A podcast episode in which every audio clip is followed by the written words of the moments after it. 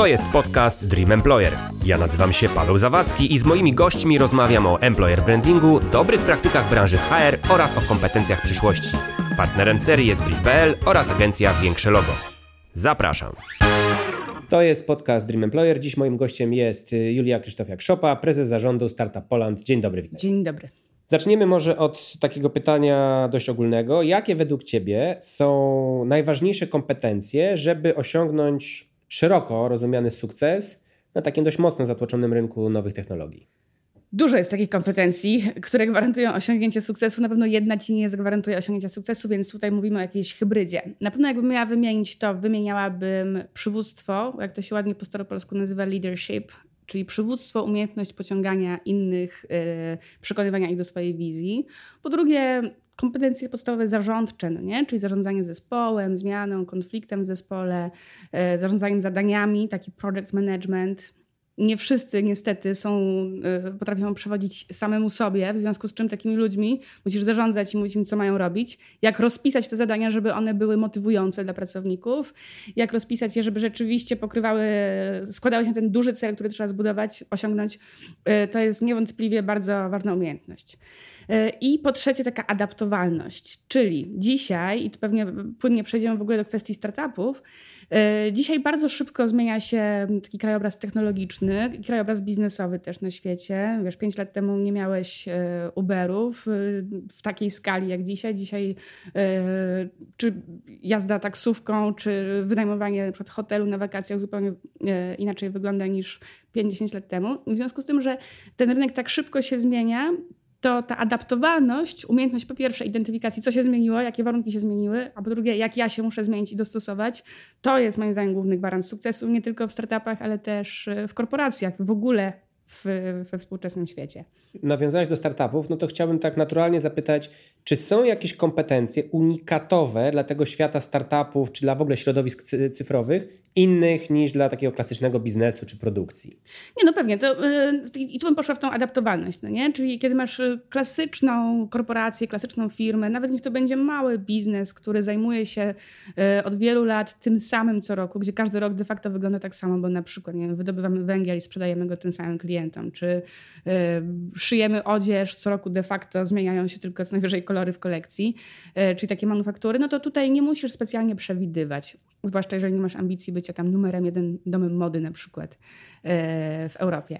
A w, kwestii, a w, w tym obszarze cyfrowym e, to rzeczywiście potrzeby użytkowników się zmieniają, e, też kanały dotarcia do użytkowników się zmieniają. I tutaj podałabym taki przykład Facebooka. No nie? Kiedy ja zaczynałam swoją karierę w startupach, to był tam 2007-2008 rok, lat temu 12 prawie, e, no to wtedy, kiedy pytałeś startup, okay, jak będziecie rosnąć, no to wszyscy mówili, no naszka, nasza klasa wtedy była grono, e, Facebook i wiadomo było, że jeżeli będziesz na, miał, miał profil, prowadził swój firmowy na Facebooku, no to prawdopodobnie stamtąd ściągniesz klientów easy peasy. Dzisiaj użycie Facebooka jako głównego kanału dotarcia do klientów jest po pierwsze bardzo kosztowne, bo za ten ruch ten trafik tam się płaci. Yy, I też właściwie ci nie gwarantuje dotarcia do tych, do których chcesz dotrzeć. No nie? tak samo AdSense, AdWordsy, coś co kiedyś mogło być yy, na przykład sposobem monetyzacji twojego bloga, yy, dzisiaj już tym nie jest. Nie wyciągniesz z tego tak wielu pieniędzy, jak, jak kiedyś prowadząc na przykład takiego bloga jak Antyweb czy Brief na przykład. No nie? Więc to, to pokazuje, jak bardzo szybko się zmieniają pewne nasze, nasze przyzwyczajenia co do tego, jak, jakieś cele należy osiągnąć i umiejętność identyfikacji, co się zmieniło, czyli ok, dzisiaj już nie ma ruchu z Facebooka, e, a po drugie rozwiązania, znalezienia rozwiązania tego problemu, to jest właśnie to, co w świecie cyfrowym moim zdaniem jest najbardziej potrzebne, tak pod względem kompetencji. To nie jest twarda kompetencja, no nie? to jest kompetencja bardzo miękka i na wielu obszarach gdzieś się manifestująca, czyli identyfikowanie tego, co się zmieniło, co się zmienia, co się zaraz zmieni i ok, jak w tych nowych warunkach będę musiał, musiała prowadzić biznes. A myślisz, że jesteśmy w stanie w ogóle nadążyć za tą zmianą? No, trzeba biec bardzo szybko. Nie, no pewnie, że, że w jakiś sposób jesteśmy nadążyć e, w stanie. Jakby to, to, to nie jest tak, że się nagle budzimy, jest zupełnie inny świat, tak wierzę e, przynajmniej. E, ale na pewno monitorowanie tej zmiany takie na bieżąco, na co dzień jest, jest bardzo ważne.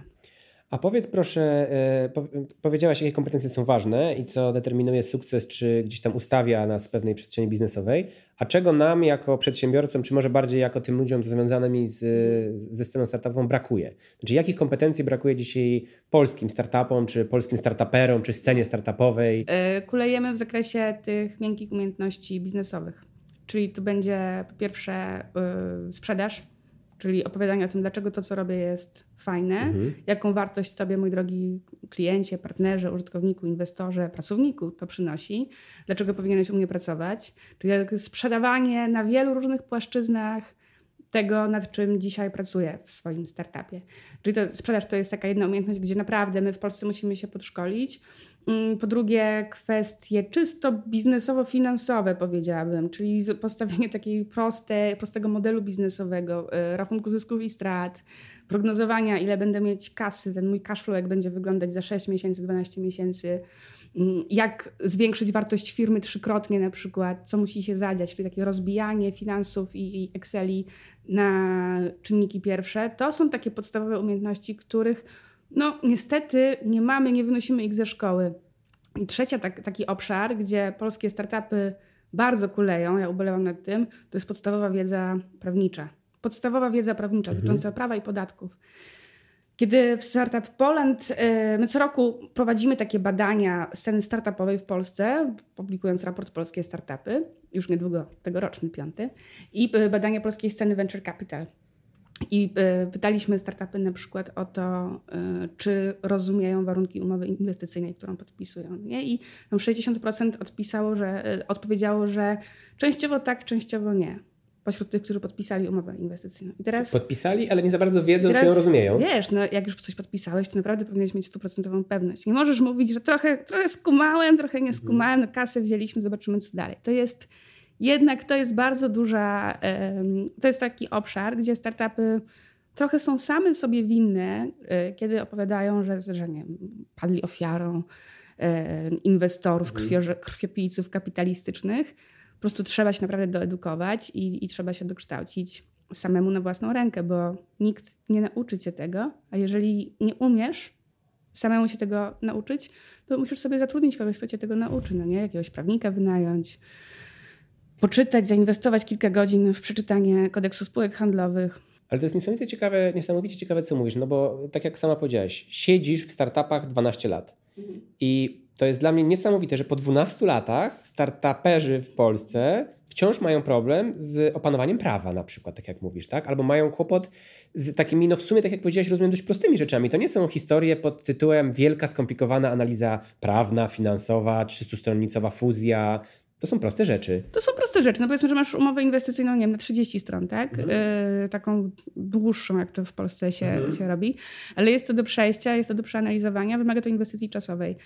I mam wrażenie, że trochę. Mm, no wiesz, to też nie jest tak, że wszyscy startupowcy w Polsce nie umieją, bo są definitywnie tacy, którzy mają doskonale rozkminione, co podpisali i doskonale wiedzą, też czasami potrafią tak obrócić negocjacjami, e, żeby jak równy z równym, a czasami nawet jak silniejszy e, ze słabszym negocjować ze swoim inwestorem. I takich naprawdę bardzo, bardzo cenię. Natomiast jest jakby gro takiego planktonu, który idzie na pożarcie bez przygotowania i potem jest bardzo zdziwiony, że nie, nie wyszło tak pięknie, jak miało być. E, a wynika to tylko i wyłącznie z niechęci do edukacji. I może tutaj jeszcze wracając do tego, jakby do, do czego to się to wszystko sprowadza dzisiaj, kompetencją główną, naczelną, najważniejszą i to czy w startupie, czy nie w startupie, to jest umiejętność uczenia się samodzielnie. Nie? Na przykład jak ja e, rozmawiałam z pracownikami swoimi, czy też pracownikami w innych firmach, w których pracowałam, to bardzo często spotykałam się z takim e, życzeniem, że no, chcielibyśmy, aby pracodawca inwestował w nasze szkolenia. Świetnie, ale co pracodawca ma z tego, że cię wyszkoli, skoro dzisiaj praca jest tak skomodytyzowana, czy jest takim towarem, że tym, ja ciebie dzisiaj wyszkolę, zainwestuję w ciebie, no nie wiem, 10-20 tysięcy złotych, żeby jakiegoś, jakiś, jakąś kompetencję ci podwyższyć e, i ty wykorzystasz, możesz to wykorzystać de facto do swojej emerytury, no nie? I jako pracodawca wówczas chcę mieć jakąś gwarancję, że ty przez, no nie wiem, przez chociaż 2-3 lata będę mieć zwrot z tej e, inwestycji w twoją, e, w twoją nową umiejętność. Ale z kolei, gdybyś ty był sam pracowniku e, skłonny zainwestować w siebie, to zobacz, jak podwyższasz swój, swoją wartość na rynku pracy. Nie? Czyli co, przenosi się ten punkt ciężkości z edukacji z mojego pracodawcy na mnie samego? Mhm, tak mi się wydaje. I że, wydaje mi się, że to, ale to są, wiesz, to są moje, moje nie, nie, no ja pytam o, intuicje, ale wydaje zdanie. mi się, że ci, którzy sami inwestują w swoją, e, swój rozwój, e, taki rozwój personalny, jak to się ładnie mówi e, po angielsku, ale też rozwój kompetencji twardszych, to są ci, którzy de facto wygrywają, bo oni są najczęściej w stanie się przebranżowić, są w stanie oszacować ryzyka związane z jakimiś rolami, które pełnią, z jakimiś pracami, które wykonują. I to oni tak naprawdę na dłuższą metę są najbardziej skłonni się adaptować no nie, do tych mm, zmieniających się warunków, o których sobie wcześniej powiedzieliśmy. No bo ja jak rozmawiam z różnymi gośćmi w tym podcaście, to taką nadrzędną kompetencją, która jest różnie nazywana, mm -hmm. ale ja tak patrząc na to y, z góry, jest otwarty umysł i umiejętność łączenia kropek. To jest właśnie takie, mm -hmm. ty to nazwałaś umiejętność uczenia się mm -hmm. i mhm. long life learning, pewnie coś no. wokół tego, a każdy wskazuje, a właśnie umiejętność adaptacji, uczenia mm -hmm. się, interdyscyplinarne wykształcenie. Ja mam takie poczucie, że mówimy o kompetencjach przyszłości, a tak naprawdę chodzi o podstawowe umiejętności, które są wśród ludzi no, od setek są? tysięcy lat. Ale czy, czy znaczy, okej, okay, one oczywiście, że są podstawowe i są od setek tysięcy lat, tylko pytanie, jak bardzo one są szeroko występujące. To znaczy... No rzadko występujące występujący. No, no ja jestem psychologiem, humanistą i dla mnie, mhm. jak ktoś mnie pyta o kompetencje przyszłości, to jest umiejętność budowania relacji z innymi ludźmi, kropka. Mhm. To znaczy, mhm. oczywiście idziemy w kierunku e, digitalizacji, cyfryzacji, sztucznej inteligencji, ale na koniec dnia jesteśmy human to human, kropka. Absolutnie. I, i to, jest, i to jest najważniejsze, tak? No ale pewnie jakbyśmy usiedli sobie z kimś, e, kto projektuje rozwiązania cyfrowe, powiedział absolutnie ludzie nie będą mieli żadnego znaczenia, za 300 lat wszystko będą robiły maszyny. Ja oglądałem taki wywiad, mhm. być może widziałaś, Elon Musk siedział naprzeciwko Jacka Ma mhm. i rozmawiali o tym, jaka będzie wizja świata za 40 lat. I jeden mówił, że tylko maszyny, a drugi mówił, że tylko ludzie i jeden mhm. drugiego w zasadzie wyszydzał, co ty człowieku w ogóle mhm. masz. I kompletnie nie znaleźli wspólnego mianownika. W związku z czym no pewnie zadanie pytania, co jest ważniejsze, jest trudne i nie ma odpowiedzi. E, ja mam myślenie humanistyczne, rozumiem, że ty mhm. jesteś gdzieś blisko tego. No wiesz, no, ja jestem daleka od stwierdzenia, że za 100 lat będziemy mieli tylko maszyny na świecie. Jakby nie sądzę, żeby było aż tak mhm. tak dramatycznie. E, I definitywnie to, co mówisz o umiejętności budowania, budowania relacji międzyludzkich, e, angażowania tej takiej empatyczności, to jest też trochę taka miara progresu cywilizacji. No nie? Jakby z pokolenia na pokolenie jesteśmy coraz bardziej wrażliwi, coraz bardziej czujemy, potrafimy się wczuć w drugiego człowieka i, i współodczuwać razem z nim. I to jest na pewno ważne, ale teraz czy w biznesie to jakoś bardzo gwarantuje krótkoterminowo sukces? O, Ciężko długofalowo, powiedzieć. długofalowo. Na pewno e, umiejętność budowania relacji z drugim człowiekiem jest bardzo ważna, ale nie wydaje mi się, żeby same, sama ta umiejętność wystarczyła nie, mhm. do sukcesu. I to łączenie kropek, to, to po prostu inteligencja szeroko pojęta definitywnie e, jest bardzo ważna. Pytanie, czy inteligencja bez wiedzy ci wystarczy? Jednak ta umiejętność wykorzystania inteligencji do nabywania wiedzy, poznawania faktów o świecie, to jest dopiero wtedy, kiedy inteligencja zaczyna być przydatna. To ja to jeszcze lubię wprowadzić trzecie pojęcie mądrości, czyli suma mm -hmm. wiedzy niepotrzebnej. Nie? To jest coś, co mm -hmm. tutaj determinuje w mojej ocenie mm -hmm. też ten, ten sukces, czy to, że mhm. jesteś w stanie się odnaleźć. No mamy, tak jak mhm. powiedziałeś, ten zmieniający się świat i ty mówisz, że to jest tak, że ja się nie do końca zgadzam z tą tezą, że budzisz się rano i wszystko jest w miarę tak samo. Znaczy, mm -hmm. Budzisz się rano i nagle wszystko jest inaczej, tak? Mm -hmm. I mhm. kompletnie twoje umiejętności są nieważne, jest nowa aplikacja, nowa mm -hmm. technologia, nowe, nowa platforma i to, co umiałeś jeszcze przed weekendem, po weekendzie jest do weryfikacji. Tak, ale zauważ, że to też nie jest tak, że te zmiany y, pojawiają się tak bardzo gwałtownie. To znaczy wyobraź sobie, y, nie wiem, redaktora, kogoś, kto się zajmował, korektora redaktora, kto się zajmował do tej pory zawsze korektą tekstu. Y, I media, prasa wciąż zatrudniają takie mhm. osoby, no nie? Mhm. Ale są też już media, które w ogóle nie zatrudniają redaktorów i korektorów tekstu, no bo po pierwsze to, to nie ma jeszcze takiej specjalnej mhm, wartości, żeby tak tam jest. wszystko było zgodnie ze zasadami to wie, ortografii. jak się stawia przecinki dzisiaj, nie? No, dokładnie. Wystarczy antyweba poczytać, okazuje się, że da się. E, a po drugie, no, są też automatyczne narzędzia do e, korekty tekstu ale są wciąż media, które jeszcze zatrudniają. I dopiero po jakimś czasie się okazuje, że nie ma już mediów, które potrzebują tych Twoich kompetencji. No nie, to pewnie potrwa za 20 lat, 30. Myślę, że za 50 lat wciąż jeszcze będą jakieś gazetki, tam prowincjonalne tygodniki, które będą zatrudniać e, tak w oparciu o starą szkołę też redaktora, który będzie się zajmował właśnie dbaniem o to, żeby tekst był dobrej jakości. I e, w związku z tym czasami trudno zauważyć, że ta zmiana następuje, no bo wciąż jeszcze są ci, którzy robią po staremu. E, dobrze, delikatnie odjeżdżając od tych kompetencji, chciałem zapytać o środowiska pracy, no bo jednak podcast nazywa się Dream Employer, więc rozmawiamy mm -hmm. trochę o, o, o, pracodawcach i o pracownikach i o tej relacji. No to czym dzisiaj przyciąga się nowego, młodego, świeżego, ambitnego pracownika, żeby pracował właśnie w tym startupie, a nie w innym, skoro w zasadzie wszędzie jest to samo? Mega trudne zadanie. No mega. Mega trudne zadanie, bo rzeczywiście tak jest, że dzisiaj te wszystkie, dlatego ja mówię właśnie, że praca się dzisiaj skomodytyzowała, no nie, bo wszędzie plus minus warunki są bardzo, bardzo podobne e, i też mamy większą świadomość tego, jak się pracuje gdzie indziej, więc wiemy, jakby ta zmiana pracy z jednego banku do drugiego, czy z jednego startupu do drugiego w tym samym mniej więcej e, obszarze nie jest jakimś taką wielką zmianą tak naprawdę. I teraz tak, jak popatrzysz sobie na lata 90., 2000, to to, czym startupy wtedy przekonywały pracowników, to były opcje na udziały. Mówię w szczególności o Krzemowej Dolinie, bo to tam, y, stamtąd ta taka kultura współwłasności pracowniczej się y, wywodzi. Y, I wizja była prosta, takie marzenie, no nie? że dzisiaj zasuwamy po prostu 60 godzin tygodniowo, mało śpimy, mało jemy, Dużo jemy, mało śpimy, dużo pracujemy, e, ale za 5 lat, jak będzie IPO, czyli wejście na giełdę, albo jak nas kupi Google, to wszyscy e, lądujemy z kilkudziesięcioma e, bańkami w kieszeni i wtedy żyć nie umierać. No nie? Kupujemy sobie dom, i egzitujemy się, wychodzimy z tej inwestycji takiej pięciu, pięciu no, ta legenda chyba pracy. już powoli gaśnie. No gaśnie, nie gaśnie, bo jak popatrzysz sobie znowu na Krzemową Dolinę, to rzeczywiście w tym roku tam doszło znowu 15 tysięcy chyba e, nowych milionerów, takich e, po, po wyjściach na giełdy e, Pinteresta, Lifta, Ubera i tak dalej. I to bez, bez wątpienia to ma wpływ na ciągłą taką trwałość tej legendy. Ale w Polsce z kolei, no, czy znamy, znasz jakichś takich milionerów y, startupowych z tego nowego pokolenia, bo nie mówię o, o czasach mhm. portali, no nie? Czy lata 90. mieliśmy Onet, Wirtualną Polskę, Tlen i tam rzeczywiście te e, te biznesy e, wygenerowały takie, takie fortuny, ale znów to nie były takie fortuny, gdzie cała ekipa pracowników, nie wiem, 100-200 osób stała się znacząco bogatsza dzięki sukcesowi firmy, tylko raczej dotyczyło to wspólników, założycieli. Nie? Wciąż ta, to, to nie jest tak, że każdy pracownik polskiego startupu dostaje opcję na udziały. Ale czy to nie wynika z tego, że mamy wyłącznie feudalnych, złych, kapitalistycznych startupowców? To też wynika z tego, że pracownicy w Polsce trochę nie wierzą w taką odroczoną nagrodę. Czyli oni, ja też widzę ze swoich rekrutacji, rekrutując y, ludzi do roli biznes dewelopera, czyli kogoś, kto jest odpowiedzialny za przywożenie partnerów, kasy, mówiąc y, w skrócie.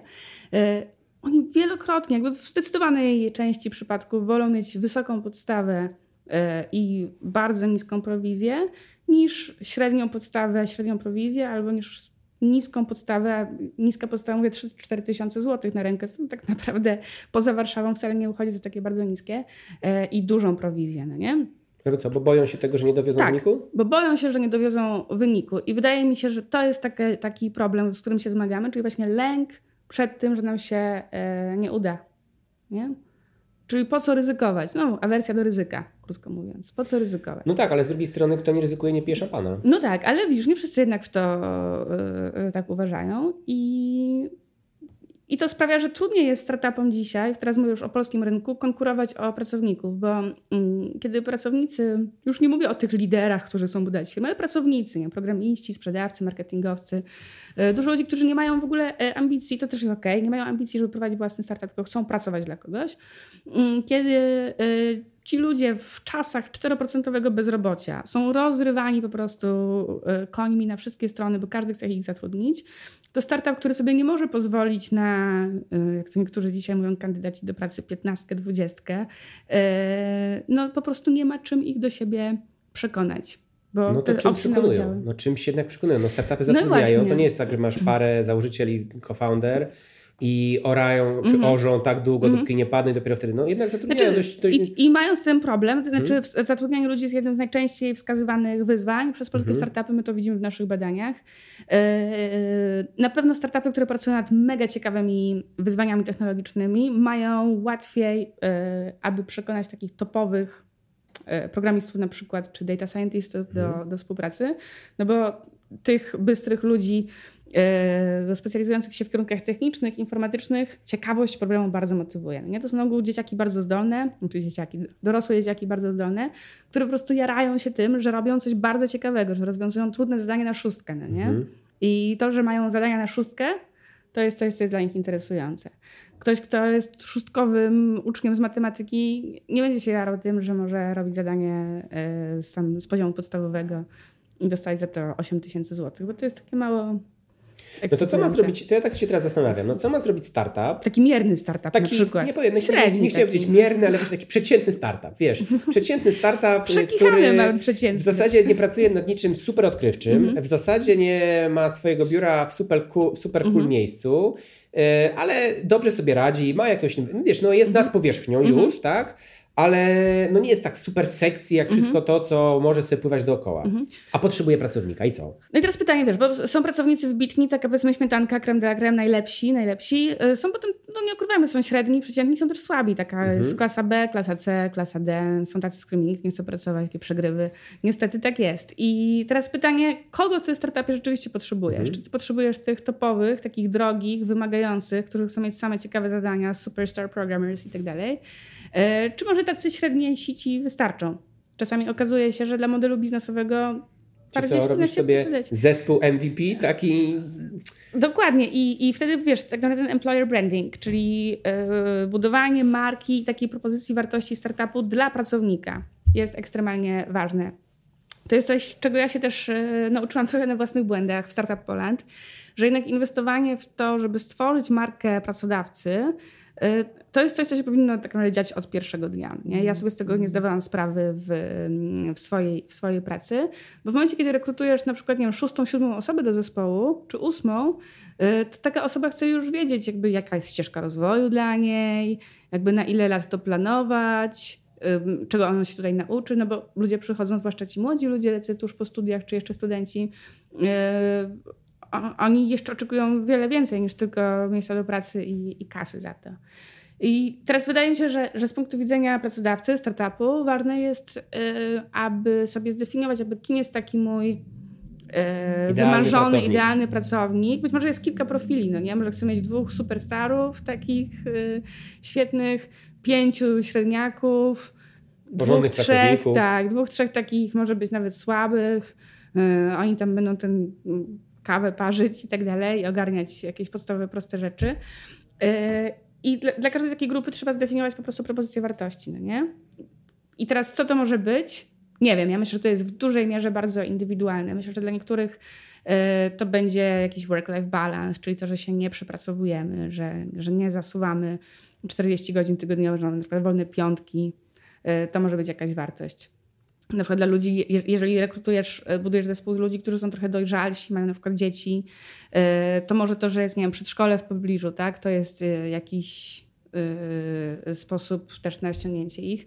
Lokalizacja biura, wiesz, ja na przykład mając pracowników, którzy są w Warszawie, chcę mieć biuro w centrum, ale są firmy, które mają ludzi, wiesz, z Grodziska, z Piaseczna i, i dla nich posiadanie biura w centrum to jest raczej obciążenie. niefajne obciążenie, tak, bo dużo łatwiej jest dojechać gdzieś tam na na obrzeża. Więc tutaj naprawdę w dużej mierze, na pewno można na wieloma czynnikami próbować wygrywać i ściągać tych pracowników, w zależności od tego właśnie kogo chcesz ściągnąć, bo nie ma uniwersalnego, wiesz, we pracownikach, y, który ma takiego evermana, który ma jakieś uniwersalne potrzeby. Rozmawiamy już ponad 20 minut i jeszcze ani razu nie padło słowo millennials, co jest w ogóle unikatowe w rozmowach o employer brandingu i HR-ze, więc może się teraz trochę popastwimy nad tymi młodszymi pracownikami, e, bo no generalnie jest tak, że to oni będą stanowili te 70-80% workforce'u za kilka lat, mm, no a mają jednak zupełnie inne oczekiwania, mają zupełnie inne wymagania, trochę inaczej trzeba ich traktować. Tutaj ten temat milenialsów w podcaście dziś się pojawia. E, chyba dlatego, że jest bardzo mocno palący i taki sexy i rozgrzany. Mm, powiedz proszę, czy masz jakieś takie obserwacje, jak ci milenialsi, nawet w tym startupowym e, środowisku, wyróżniają się czymś albo jakimś zestawem umiejętności, oczekiwań, kompetencji? Totalnie jedna ważna różnica, którą widzę, to są. Y, to jest dużo krótsza perspektywa pracy, czyli milenialsi. Przez milenialsów rozumiemy tych, którzy urodzili się w XXI wieku, tak? To są ludzie, którzy dzisiaj mają ile tak, 19-25 lat. W moich doświadczeniach to są na ogół, to są zawsze ludzie, którzy mają dużo krótszą perspektywę wiązania się z pracodawcą, mhm. czyli nie tak, że, że teraz 5-10 lat tutaj popracujemy razem i potem chcia, chciałbym do końca życia, no ale jak nie da rady, to, to sobie coś znajdziemy. Milenialsi naprawdę mają perspektywę 3-6 miesięczną bardzo często, nie? taką krótką. I są bardzo właśnie tacy adaptowalni, czyli nastawieni na zmiany, nie boją się tych zmian. Yy, I to jest fajne tak na dobrą sprawę, no nie? bo oni się nie boją zmian, nie mają jakichś takich bez, własnych oporów przed zmianą. Yy, I to ich też motywuje do szukania yy, innej pracy. No z punktu widzenia pracodawcy, no to jak zlojalizować kogoś, kto raz tu, raz tam w ramach jakiejś grupy kapitałowej to jest pewnie o tyle proste, że możesz sobie zapewnić jakieś schematy poziomego awansu, no nie? Czyli, że dzisiaj pracujesz, nie wiem, przy klientach finansowych na przykład, e, ale jak się znudzisz, to za 6 miesięcy możesz pójść tam e, robić e, w dziale prawnym, albo możesz pójść do sprzedaży, albo cokolwiek innego, żebyś rzeczywiście mógł sobie te swoje potrzeby takie poznawcze ADHD trochę zaspokoić różnymi wyzwaniami. Bo to trochę jest tak, że y, padło tutaj w którejś z, naszych rozmów podcastowych, że już przestaje się zatrudniać, że ludzie już się nie zatrudniają do firm czy do organizacji, do zadań, tylko do projektów, projektów no. do zadań. Nie? Mhm. No i teraz y, właśnie te najmłodsze pokolenia szukają nie pracodawcy, czy nie szukają y, wiesz, wielkich firm, organizacji, tylko projektu, który będzie dla nich z jakiegoś powodu, tak? Sexy, ciekawy, mhm. interesujący umożliwi im podróże albo jakieś hobby. No i właśnie tak naturalnie przychodzi, no to właśnie startupy przecież są takim miejscem, tak? Powstaje pomysł, zbiera się grupa entuzjastów i mamy, robimy projekt i szybciutko coś budujemy, tak? Tak, tylko to rzeczywiście się trzeba mocno zaangażować. I mhm. teraz y, nie każdy, znaczy raczej w porządnych startupach, które rzeczywiście szybko się rozwijają i rosną, to wymaga olbrzymiego takiego komitmentu czasowego, zobowiązania czasowego, inwestycji czasowej e, od całego zespołu pracowników. Czyli czasami to nie jest na trzy miesiące takiego ho, ho, ho, potem pojedziemy sobie do Tajlandii pozwiedzać, poszukać sensu życia przez rok. E, tylko to jest no, zasuwanie tak. Od pierwszego, od day zero zasuwasz. Chińczycy na przykład mają chińskie startupy, to jest bardzo gorący temat. E, oni mają swoją zasadę 996, 996, czyli od 9 do 9 przez 6 dni w tygodniu. I my się dziwimy, dlaczego chińskie startupy tak szybko rosną, no, bo to jest dużo więcej godzin pracy, bo to jest 12 razy 6, czyli 72 e, godziny tygodniowo.